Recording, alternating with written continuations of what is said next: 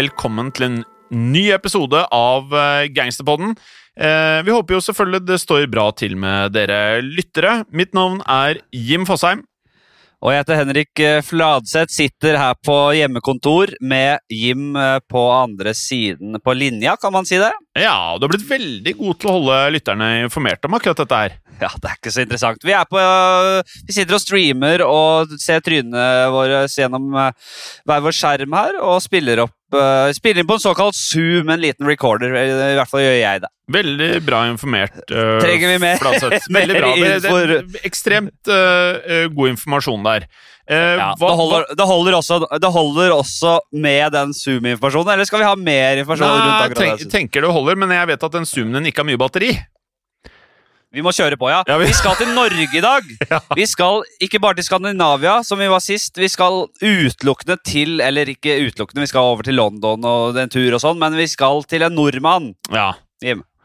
Eh, vi skal til en nordmann, og eh, for noen så er dette en nordmann man eh, kanskje ikke har hørt uh, altfor mye om. Han har kommet litt i skyggen av flere andre. Første gang jeg hørte om personen som går av, eller under kallenavnet Gulosten, var faktisk gjennom deg, Henrik.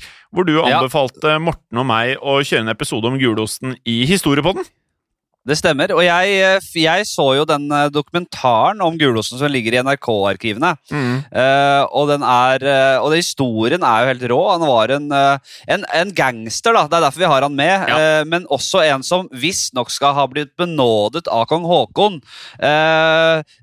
og etter å ha begått noen drap. Vi skal komme, fram, komme til det litt senere. Ja. Men det kan jo også være Nå skal jeg være litt i konspirasjonsland. Det kan jo være en grunn til at dette har blitt dysset ned, historien om han som folkehelt. da. Eh, I og med at jeg, tror ikke kongehuset nødvendigvis eh, syns så mye om akkurat ja. den benådingen og men, ryktene der. Men i og med at han er med i gangsterboden, så er han jo helt, men han er også gangster. Eh, ja. Så det kan jo ha noe med det å gjøre.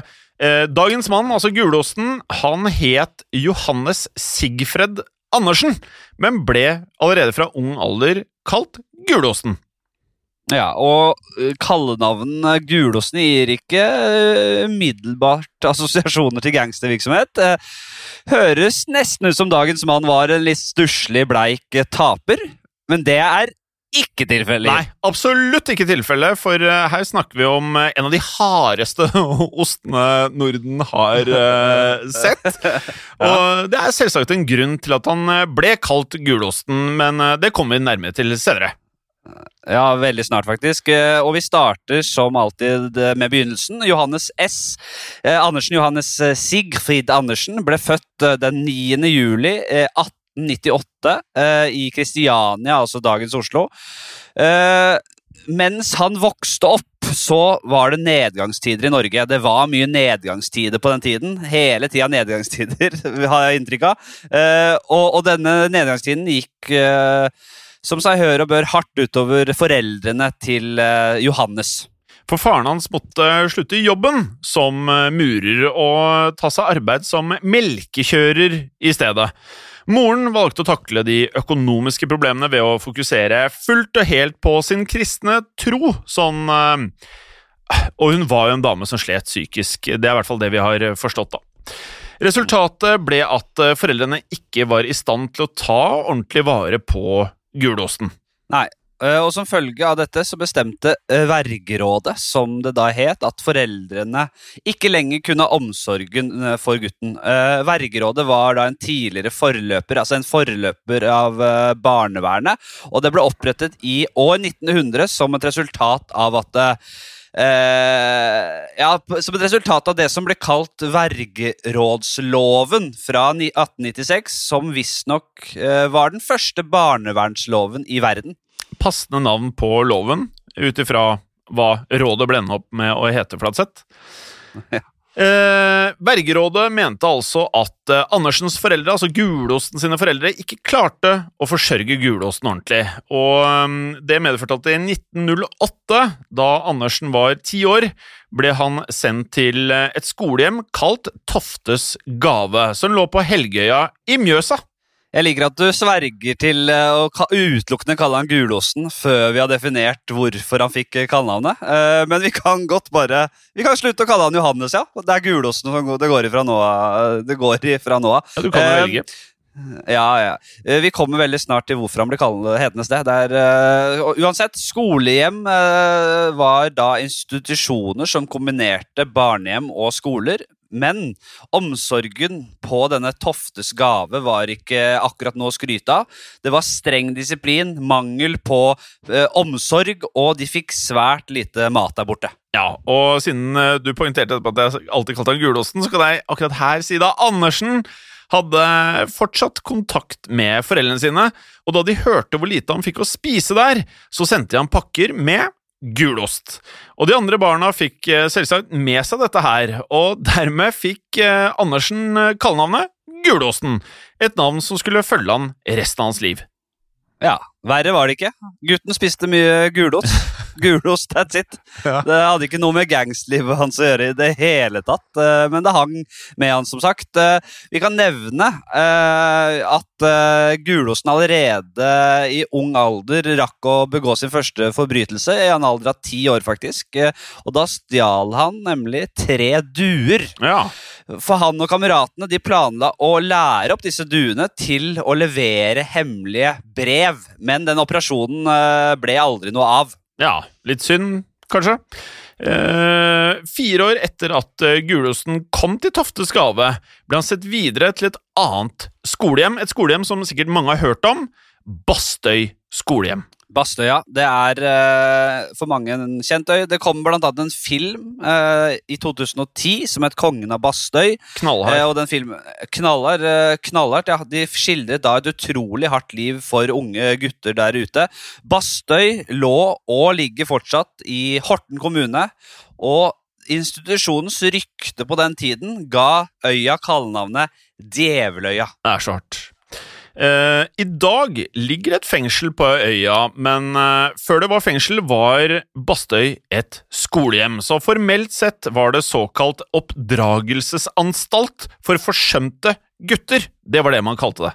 Ja, Forsømte gutter viste her til uh, unggutter med atferdsproblemer, tilpasningsvansker eller gutter som var blitt utsatt for omsorgssvikt, som da Johannes hadde blitt. Eh, og her kunne de da få skoleopplæring og oppdragelse. Eh, og I tillegg så fikk de opplæring i gårdsdrift og snekring og smedfag og litt eh, sånne ting. Ja, så på papiret så hørtes det jo fint ut at de skulle få utdanning og opplæring, da. Men Bastøy ble ikke kalt Djeveløya for ingenting. Dette var en eh, institusjon med knallhard disiplin, det var hardt arbeid og enda hardere straffer for enhver som prøvde seg på egentlig noe som helst. Og fra opprettelsen i 1900 og de første tiårene etter det, så ble, det, så ble Bastøy kjent landet over for dette strenge straffesystemet. Og mange reagerte etter hvert også. Eh, I 1915 for eksempel, så gjorde omtrent eh, om lag 30 gutter opprør mot systemet. De bevæpnet seg med gårdsredskaper og eh, tente på låven til slutt. Skolehjemmet sendte ikke bare politiet etter guttene, men eh, tilkalte visstnok militære mannskaper også. Eh, De som hadde manet da, de andre til opprør, ble satt i eh, enecelle i håndjern. Og det man skal huske på, er at dette er barn, altså tenåringer. Eh, og det var ikke sånn at man trengte å gjøre opprør for å få smake pisken bort på Bastøy. De harde straffene. Det, altså Skolehjemmet hadde et sånt poengsystem for Mm. guttenes oppførsel uh, som gikk opp til seks, uh, som var det beste. Og fikk man under tre poeng pga. dårlig oppførsel, så ble det juling. Noen ganger også juling og isolat. Så hit kom altså gulosten til denne øya, og det formet han ikke reint lite. Ja, Han har senere fortalt at en venn av ham på skolehjemmet en gang ble tatt i å snakke med en kamerat etter skjengetid. Straffen for denne forbrytelsen var at han måtte stå på gangen, barbeint og bare i en nattskjorte i over en time. Og dette var da midt på vinteren, i minus 30, som betød at den eh, Ja, altså, gutten sto iskald i 30 minus. Og det er, det er veldig kaldt. Det, det, Ja, er jeg tror ikke jeg opp, opplevd 30 minus engang! Det er jo ikke sånn, i ten- sånne temperaturer er på Østlandet nå lenger. Det er knallhardt. Det er veldig, veldig hardt. veldig hardt. Så det var et knallhardt sted å vokse opp, rett og slett. Gulosen var uh, imidlertid ikke på Bastøy mer enn ett år. For da han uh, var 15, fikk han nemlig en uh, forferdelig beskjed fra skolehjemmets bestyrer om at moren hans døde. Og det var uka før han fikk beskjeden. Eh, så moren hadde da blitt begravet to dager før han Gulosen fikk beskjeden. Ja. Gulosens mor hadde vært eh, dødssyk, men ingen på skolehjemmet hadde brydd seg med å fortelle Gulosen om eh, hennes død før hun var død og faktisk da begravet. Mm. Og denne forferdelige beskjeden den fikk eh, han til å true med å sulte seg i hjel hvis ikke skolehjemmet lot han dra derfra. Ja, Så han sultet seg i kjelleren i en uke før skolehjemmet bestemte seg for å løslate Gulosten for alltid. Og dermed dro Gulosten vekk fra Bastøy, og så seg aldri tilbake. Han fikk seg jobb som eh, murhåndlanger, eh, men da det ble nedgangstider, som vi vet, eh, Henrik, det var mye av det i gamle dager, og da kom det dårlig økonomi i Norge, selvfølgelig, og da mistet Gulåsen dessverre jobben sin. Ja, og den jobben var det kanskje flaks at han fikk i utgangspunktet. eh, For etter han fikk sparken, eller mistet jobben der, så ble det umulig for han å få en ny jobb med den bakgrunnen han hadde. Eh, For ingen ville ansette en, som, eh, en sånn skolehjemstype. Det var veldig uglesett på denne tiden å komme fra en sånn institusjon. Det var det. Så det Gulosten da gjorde, det Ja, det som mange andre vi har snakket om her i podkasten, gjorde Han snudde seg til den kriminelle løpebane for å skaffe seg penger til å rett og slett kunne overleve. I 1921 begynte han som storsmugler sammen med flere kamerater. Rett i storsmugler, det er ikke dårlig. Han eh, starta ikke med noe surr. Han starta med de hardeste smugleroperasjonene. Oh, ja da, ja da. Gulosten han eh, smuglet ikke hva som helst. Han smuglet brennevin. Ja. Det var dyrebare dråper. eh, og Norge hadde jo fått innført et spritforbud i 1916. Eh, det ble også forbudt å drikke øl. Eh, som om Gulosten ikke hadde, det ille, hadde hatt det ille nok. Så kom den loven inn i livet hans. Nei, han var sikkert litt skuffa. Men han var også såpass opportunistisk at han utnyttet denne situasjonen på det groveste. Han gjorde det, for eh, som historien har lært oss, betyr ikke et eh, forbud at eh, etterspørselen etter ting det er forbudt å konsumere, som brennevin og øl, at det forsvinner. For det norske folk ville fortsatt, selvfølgelig ville vi det, ha brennevin. Og siden det ikke lenger ble solgt på lovlig vis, betydde det at enhver kriminell som da ønsket å tjene mye penger ganske så fort, kunne da få seg en smuglerkarriere og bli styrtrike på veien. Yes, eh, Smugling av brennevin det skjøt i været, og bare i 1923 beslagla politiet 600 000 liter med smuglesprit. Og det er jo litt. Det er veldig mye. Og nå var det slik at denne nye bransjen kastet uh, gulosten seg inn i uh, med begge føtter og begge armer. Eh, det var en bransje som eh, brukte en god dose kreativitet da, for å unngå politiets eh, ja, mistenksomme blikk. da. Smuglerne gjemte den ulovlige spriten i hemmelige rom i båtene sine. Spritflasker kunne f.eks. gjemmes inn i falske brennstofftanker eller i båtmaster som var hule på innsiden. Ja, dette her smuglerfenomenet vet vi jo har uh, tatt lange steg, bare hør på episoden vår om El Chapo. Ja, jeg merker at eh, igjen så drømmer jeg meg litt bort til en altern et alternativ liv Et alternativt liv som uh, kriminell og smugler. Tenk deg å kunne sitte og finne opp de der smarte måtene på å smugle på og kose seg med det. Jim. Jeg har ikke, jeg har ikke nervene, Fladseth. Jeg har ikke Nei, jeg har heller ikke nervene. Jeg, hadde jeg hatt nervene, sier jeg, og hadde jeg hatt, vært lut fattig, uh, så hadde jeg blitt kriminell med en gang! Det har jeg sagt før, og det sier jeg igjen. Eh, kokt opp sånne ting som dette her hadde jeg kost meg veldig med. Eh, Gulosten og eh, vennene hans gjemte også smuglersprit i eh, Sepp-linere laget av seilduk som de hang under kjølen, altså undersiden av båten. Og Sepp-linere er så vidt jeg vet luftskip. Ja. altså eh, kan si at det var et skip under skipet, da, hvis jeg har forstått det riktig. Ja. Det er slik jeg også har tolket det. Og da var det jo sånn at eh, dersom tollvesenet eller politiet skulle komme og kontrollere båten for eh, smuglergods, så vips, da kunne mannskapet skynde seg å løsne denne zeppelineren, slik at hele den ulovlige lasten ville falle til bunns. Og dette her er veldig, veldig smart. Ja, det er smart, For ja. eh, politiet ville jo aldri klare å finne noe smuglergods, for alle bevisene forsvant til, på havets bunn. Noen vil jo kanskje kalle det genial, Fladseth. Ja, det er jo veldig genialt, Ja. og jeg vil tro at de klarte å lete seg tilbake til denne, dette smuglergodset ved en senere anledning. Ja så det var ikke tapt, tapt for alltid heller. Det Dette var smarte folk. eh, Dette var smarte folk. Gulosten han eh, ble en del av mannskapet på to sånne spritsmuglende båter eh, og smuglet denne dyrebare drikken inn til Norge fra Deutschland. Men politiet fikk etter hvert nyss om hva Gulosten eh, holdt på med, og de, han ble jo ettersøkt som et resultat av dette. Eh, Gulosten han eh, flykta dermed til Tyskland og begynte å jobbe for en av de store spritleverandørene til Norge der borte. Det tok imidlertid ikke lang tid før norsk politi fikk fatt i Gulosten, og de krevde ham utlevert i 1925, og han ble arrestert og sendt med skip tilbake til Oslo. Ja, og han var selvsagt omringet av en uh, politieskorte på denne turen. Men som vi har lært i Gangsterpodden, så holder det sjeldent.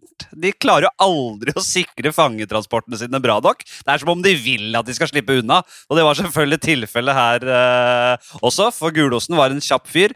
Eh, og mens skipet seilte inn i Oslofjorden, så hoppet Gulosen rett og slett bare over bord. Eh, straks med en gang politiet så en annen vei, og han kom seg til land. Og selv om politiet etter hvert kom etter han og begynte å lete etter han, så klarte han å gjemme seg flere måneder før han da ble arrestert igjen. Og det å liksom hoppe fra et skip og komme seg i land, det er litt sånn Hollywood-film over det, altså. Det er klart det er det. Ja. Eh, De neste årene ble Gulosten arrestert og løslatt etter eh, flere mindre dommer for innbrudd. Og disse innbruddene, som etter hvert ble hans eh, spesialitet eller varemerke, var visstnok så sofistikerte og gjennomførte og godt planlagte at avisene kalte ham en gentleman-forbryter. Ja, det er klart Han var jo en rå type, selvfølgelig. Eh, og grunnen til at han var så flink til å bryte seg inn overalt, var at han hadde lært seg kunsten å dirke opp dører og låser og sånn eh, i det stille på disse skolehjemmene Ja. han hadde vokst opp på. Eh, og der hadde han jo fått masse erfaring med å snike seg rundt i natten og dirke opp hengelåser og uh, vanlige og det ene og det andre. Ja, han gjorde det. Og i andre halvdel av 1920-åra brukte han disse kunstene da til å bryte seg inn i mang en Oslos bolig. Ehm, Da han hoppet fra skipet i Oslofjorden, var det heller ikke siste gang han skulle flykte fra politiets klør på ja, et spektakulært vis, for i 1929 kunne avisene melde at gangsteren Gulosten hadde klart å flykte midt under sin egen rettssak. Fladseth! Ja, eh, for eh, historien går som følger at eh, mens lagmannsretten i Drammen hadde lest opp dommen hans i, Altså, idet de leste opp dommen, da, så hadde Gulosten plutselig reist seg og sprintet ut av restlokalet. Jeg ser for meg at det er full spurt også. Altså fra 0 til 100 rett ut av restlokalet. Og ikke bare det, han forsvant også rett utenfor rettssalen eh, med politiet i hælene. Så han var rask, han var kjapp, og han var stealth. Han var kvikk, eh, Fladseth, men han var ikke kvikk nok, for politiet fakta ham, eh, fakta ham like etterpå på nedpå havna der, der han forsøkte å komme seg på en lastebåt som skulle til Canada. Eh, Så ble tatt da i siste liten.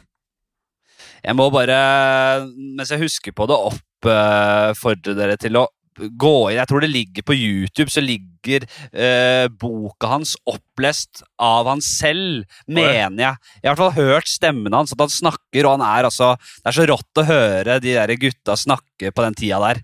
Eh, jeg skulle til Canada! Og så den der litt sånn lyse tonen han får på recorder på den tida, det, bare, det gjør det så badass, da. Eh, men han ble tatt eh, på havna der. eh, og gangsterlivet etter dette ble eh, ja, etter hvert litt mindre forlokkende for gulosten. Eh, og i midten av 30-årene så slo han seg til ro. og Han startet et verksted der han reparerte gamle møbler, faktisk.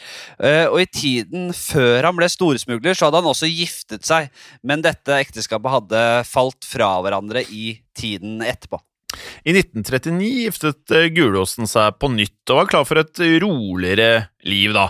Men som vi vet, så skulle det ikke gå lang tid før eh, Norge ble alt annet enn rolig, dessverre.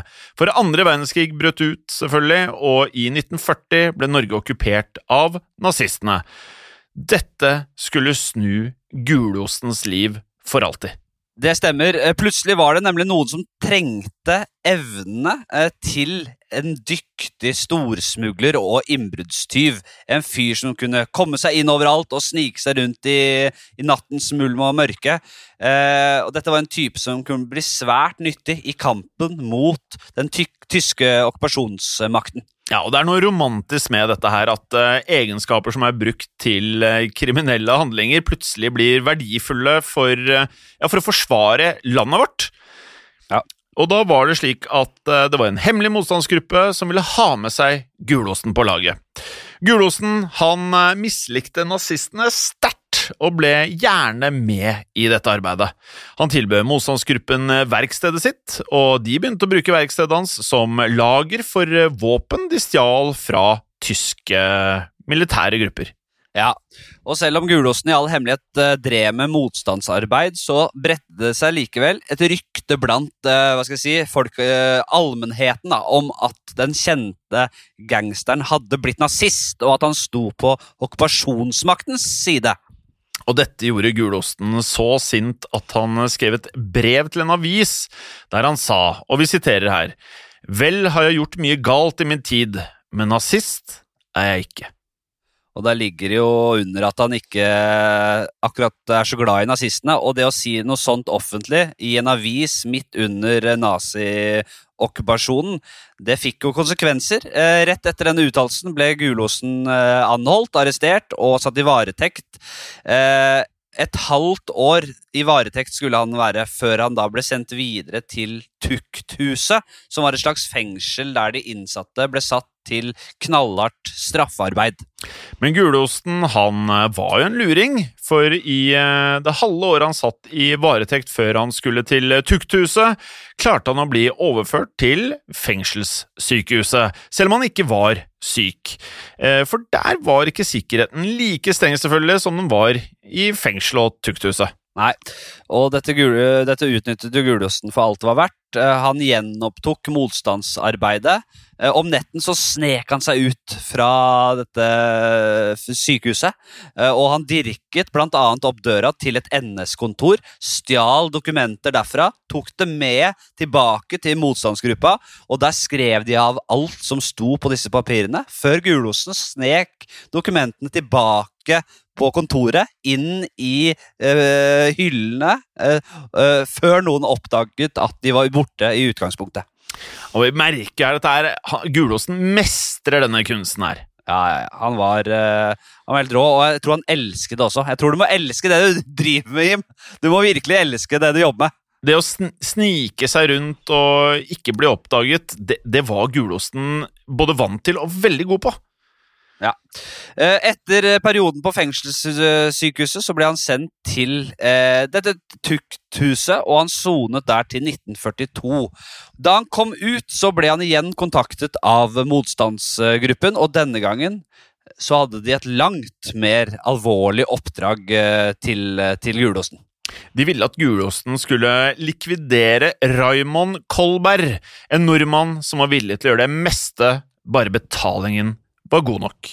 Han var kjent for å ha infiltrert og deretter angitt flere norske motstandsgrupper til nazistene, og han måtte stoppes. Ja, og Gulåsen tok uh, dette oppdraget. Han hatet nazistene, og han hatet uh, sånne quislinger. Uh, nazienes forræderske løpehunder.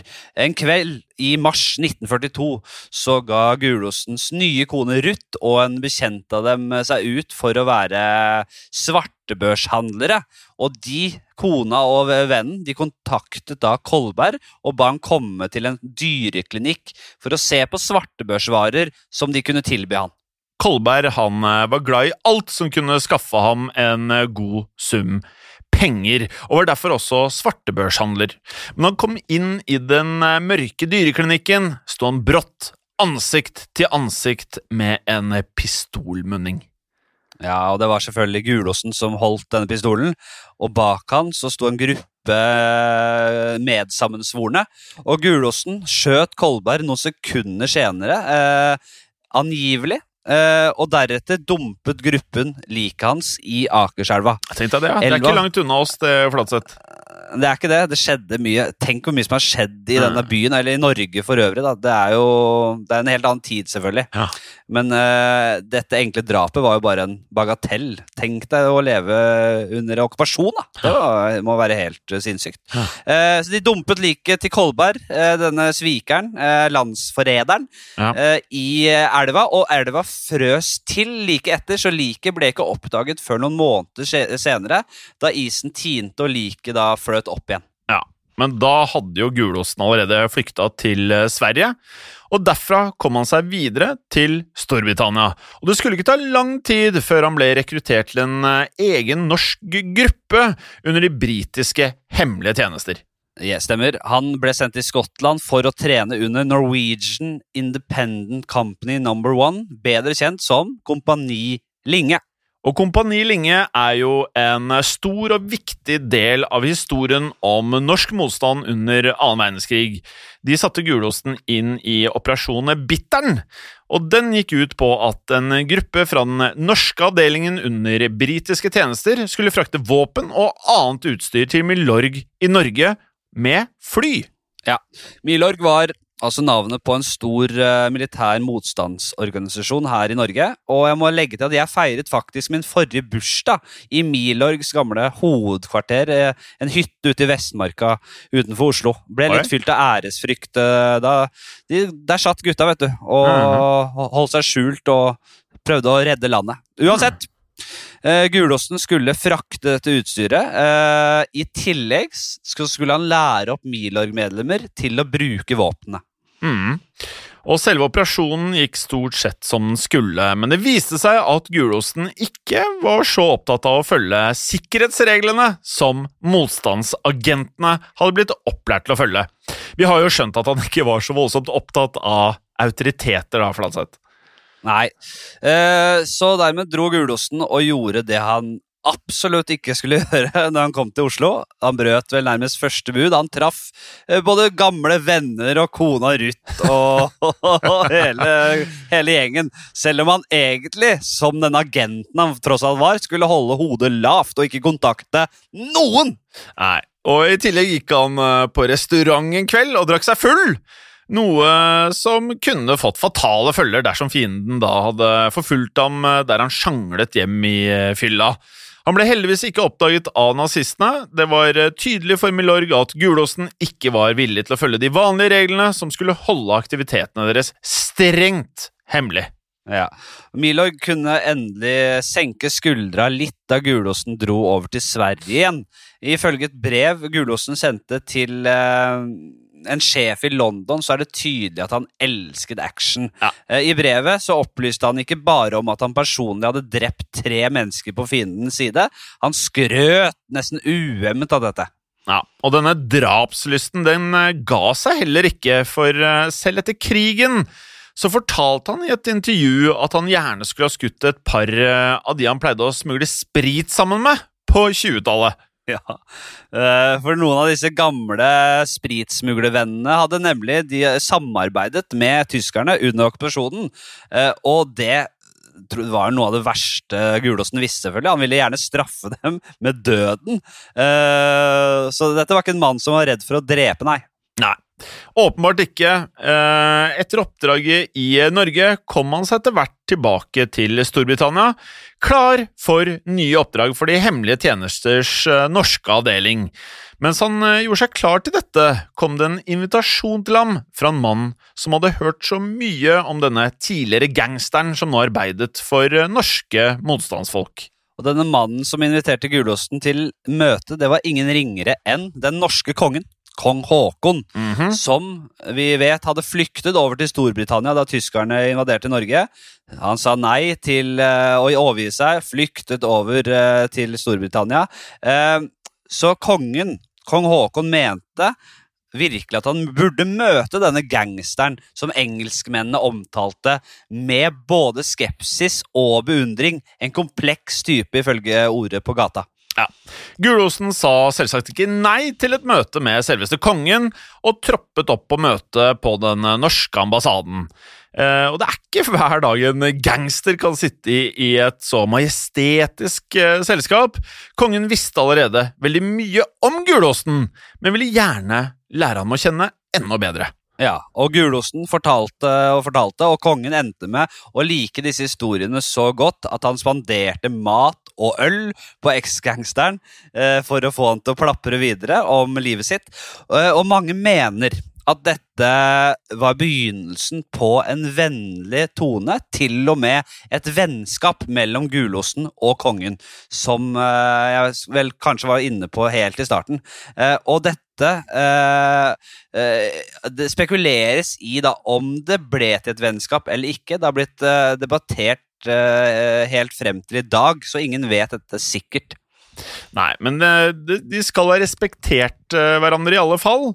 Eh, For etter dette kongelige møtet ble Gulosten med på en eh, motortorpedobåt som hadde i oppdrag å angripe skip på norskekysten, da, og på den eh, måten legge kjepper i hjulene for nazistene. Ja, Han tilbrakte resten av krigen på motortorpedobåten, der han gjennomførte rundt 40 angrep som skytter. Han var aktiv der, altså. Eh, Og siden han var avskåret fra resten av verden, så fikk han ikke med seg hva som skjedde hjemme i Oslo, og hva som skjedde med eh, kona hans, Ruth. Eh, kone nummer to, altså. Hun som hadde hjulpet han med drapet på denne angiveren Kolberg. Ja, for Ruth hun hadde fortsatt å utføre oppdrag for motstandsgruppen hjemme i Oslo, men ble arrestert våren 1944. Ikke for et eh, motstandsoppdrag, men for å ha stjålet en barnevogn! Og mens hun satt i fangenskap, eh, anga en ukjent person henne til tyskerne og fortalte at hun kunne ha vært involvert i drapet på Kolberg. Dermed så ble Ruth dratt inn i knallharde avhør, og hun ble mest sannsynlig også torturert under disse avhørene. Og Ruth hun endte med å tilstå drapet. Her finnes det da to forskjellige nedskrevne versjoner av hva hun sa de hadde gjort med Kolberg, så um, dere skal få høre begge deler her. Den ene versjonen sa at den eneste skaden på Kolbergs lik var de to kulene som Gulosten hadde skutt av med. Den andre versjonen sier at de først korsfestet Kolberg til et bord med fire kniver, tja, tja, tja, satt i armer, føtter og hender, og så brukte et jernrør til å knuse hvert eneste bein i kroppen hans, og i tillegg at de skar av ja, penis og baller, skjønnsorganet, hele greia. Og den versjonen er jo bestialsk, men eh, politirapporten fra da Kolbergs eh, lik først ble oppdaget i Akerselva, så nevner den kun to kulehull, og at han kun hadde på seg skjorte og slips. Knuste bein og manglende penis sto da ikke noe sted i akkurat denne rapporten, og det kan jo derfor virke som eh, at noe sånn ville jo blitt tatt høyde for, eller? Ja, det vil man jo tro, selvfølgelig. eh, Med mindre eh, at eh, Med mindre de ikke ønsket å gi en signaleffekt til andre motstandsfolk, at de dysset det ned. Mm. Det er jo på en måte et voldsomt signal å sende Ja. ut. Å sette fire kniver og kortfeste der og skjære av baller og holde Ja. på. Eh, Så hvem vet? Uansett så ble Ruth funnet skyldig i å ha deltatt i Kolbergs eh, drap. Eh, Hun og de andre medskyldige, unntatt Gulåsen, fikk dessverre da møte nazienes hevn. Den 21. juli 1944 ble Ruth og de andre medhjelperne henrettet av tyskerne og kastet i en massegrav. Men Gulåsen ante ikke noe om dette før etter frigjøringen av Norge i 1945. Og den sommeren fikk han beskjeden om at konen hans ble henrettet av tyskerne året før. Ja. Og han klarte ikke å bli i Oslo med dette sjokket og sorgen over konas død, så han ble derfor med på en uh, motortorpedobåt uh, som i anledning frigjøringen tok seg en langtur, en uh, seiersparade fra Bergen og videre ned, eller opp langs kysten. Og i juli 1945 så stoppet de i Vadheim i Sogn, og gulosten forsynte seg da heftig av alkoholserveringen på et hotell der oppe. Ja, og Til slutt sa hotellets eh, ansatte at de ikke ville servere gulosten mer alkohol. Med andre ord så var gulosten blitt skikkelig full denne dagen. Han var veldig veldig full, og tilfeldigvis så var det også en fangeleir for eh, tyskere i Vadheim. Og den svært berusede gulosten gikk inn i denne fangeleiren, og han fant to tyske offiserer og spurte dem om de hadde noe sprit. Tyskerne, eller naziene, svarte nei til det. Hva, som skjedde videre, skal vi sitere fra boken En mann ved navn Gulosten fra 1968. Hva som egentlig skjedde, står fremdeles i tåke for ham. Men han fant seg selv stående med en rykende maskinpistol, og to tyskere var drept. Ja, og den uh, boka er en slags biografi om uh, dagens uh, hovedperson, men flere påstander fra boka har blitt heftig debattert fordi gulosten selv regnes som en litt upålitelig kilde til tider, rett og slett. ellers i det minste diskuteres det om han hadde hele bildet av saken. Men dette var helt klart. Følgende var helt klart. Gulosen hadde faktisk skutt de to tyskerne rett ned. Ja. Sorgen over konens død og da dette raseriet han hadde mot eh, nazistene, fikk han da til å trekke dette våpenet, men dette var jo å betegne som fredstid. Og et uprovosert drap av denne typen betød faktisk da rettssak og også straffedom. Og egentlig skulle gulosten måtte stå for retten og mest sannsynlig også havnet i fengsel, men det var noe annet som skjedde. Av en eller annen grunn så havnet ikke dette lovbruddet i retten, Nei. selv om det egentlig skulle ha gjort det. Ja, Og hvorfor han slapp unna en rettssak, er nok eh, ikke helt eh, sikkert eh, selv en dag i dag. Eh, han selv mente at det var kong Haakon som eh, holdt sin beskyttende hånd over ham og da sørget for at han kunne gå fri. Mange mener uh, dette faktisk er tilfellet, men uh, ikke alle. Og noen mener at Milorg uh, var redde for hva Gulåsen kunne finne på å plapre om i retten. At det kan ha vært en grunn. Og vi vet jo at han ikke brydde seg så voldsomt om regler og hva som skulle sies høyt og ikke. Han var en litt løs kanon. Ja, og de fleste mener i alle fall at eh, kong Haakon påvirket eh, henleggelsen av saken på et eller annet vis. Om det er sant, så sier det virkelig noe om da dette forholdet mellom eh, han og gulosten, som måtte ha vært utrolig sterkt. Og dette skulle jo ikke være siste gang kongen hjalp gulosten heller. For eksgangsteren ville nemlig starte opp en trevarefabrikk etter krigen, men lån var som vi kan tenke oss til, utrolig vanskelig å få tak i for en uh, hvem som helst, egentlig, men i hvert fall for en tidligere straffedømt som Gulåsen. Yes, og da steppet kong Haakon inn. Han investerte i fabrikken, og eh, Gulosten fikk muligheten til å stable uh, trevarefabrikken på beina. Etter hvert så kom driften i gang, og Gulosten betalte selvfølgelig hver eneste Eller ikke selvfølgelig, men han betalte hver eneste krone han hadde lånt, tilbake til kongen. Ja. Han besøkte også slottet ved flere anledninger, og iblant ga kongen han oppdrag da, altså for trefabrikken hans. Og det høres jo ganske sannsynlig ut at det var snakk om et uh, nært forhold her, Fladseth. Ja, det virker jo som et vennskap, det der. altså. Og hvis, eh, som jeg var inne på i stad, hvis kongen eh, benådet han for drapene, så er det ikke sikkert at kongehuset eh, ville Nei. at det skulle komme ut. Nei. Selv om det var snakk om nazier som han drepte. Så det, jeg skjønner liksom at det ble dysset ned, det vennskapet eventuelt. da.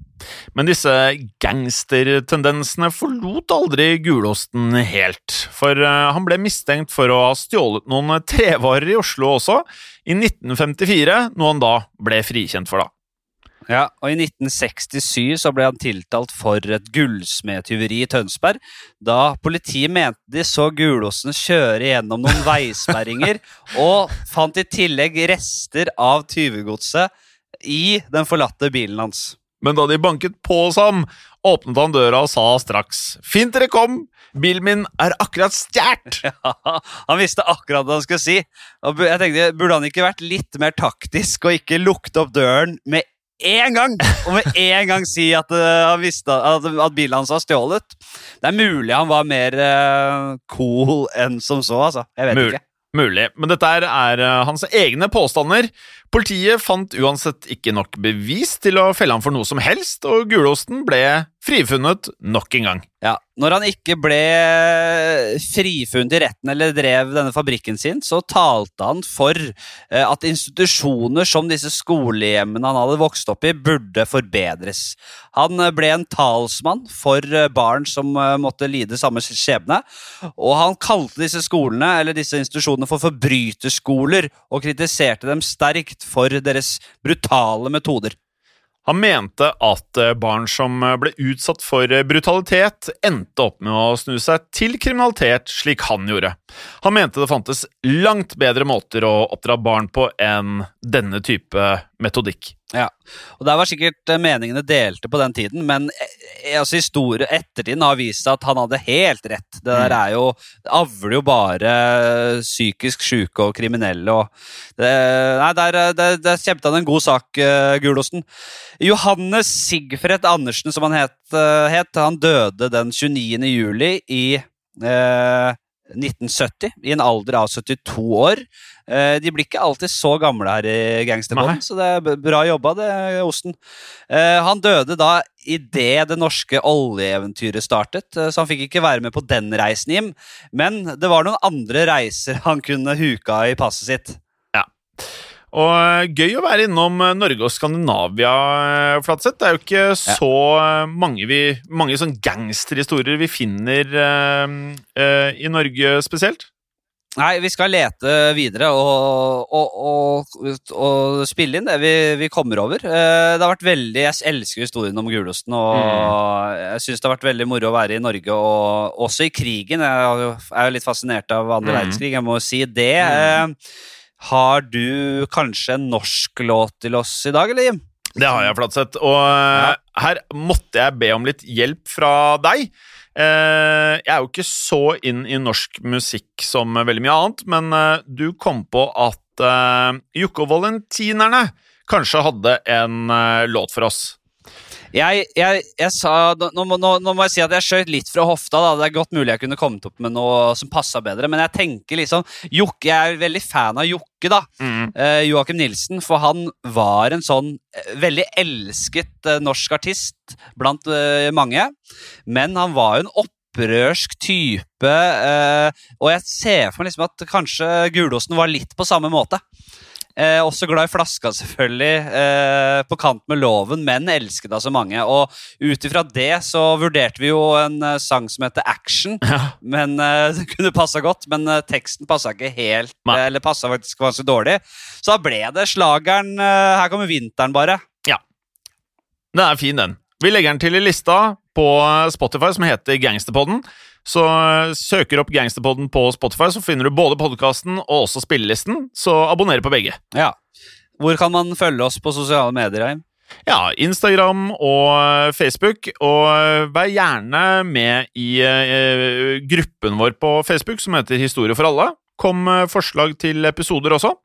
Og utover det, Fladseth, så nærmer vi oss jo jul her. Ja, vi gjør det. Driver vel og jobber med noe slags julecontent. Ja, En, eh, ja, I den grad det går an å lage juleepisode i Gangsterpodden, så uh, vi, vi prøver så godt vi kan. Vi skal ta, rett og slett lese opp uh, Home Alone. Der er jo de to gangstertypene, Joe Pesci og han andre typen. Marv. Eh, og med det, mm, Fladseth, så takker vi for oss i dag også. Ja, og en, inntil neste gang så må jeg bare igjen anmode til å prøve å holde seg unna fiskene. Men samtidig, prøv å holde litt gangster også. Ha det bra! Keep it gangster, hei.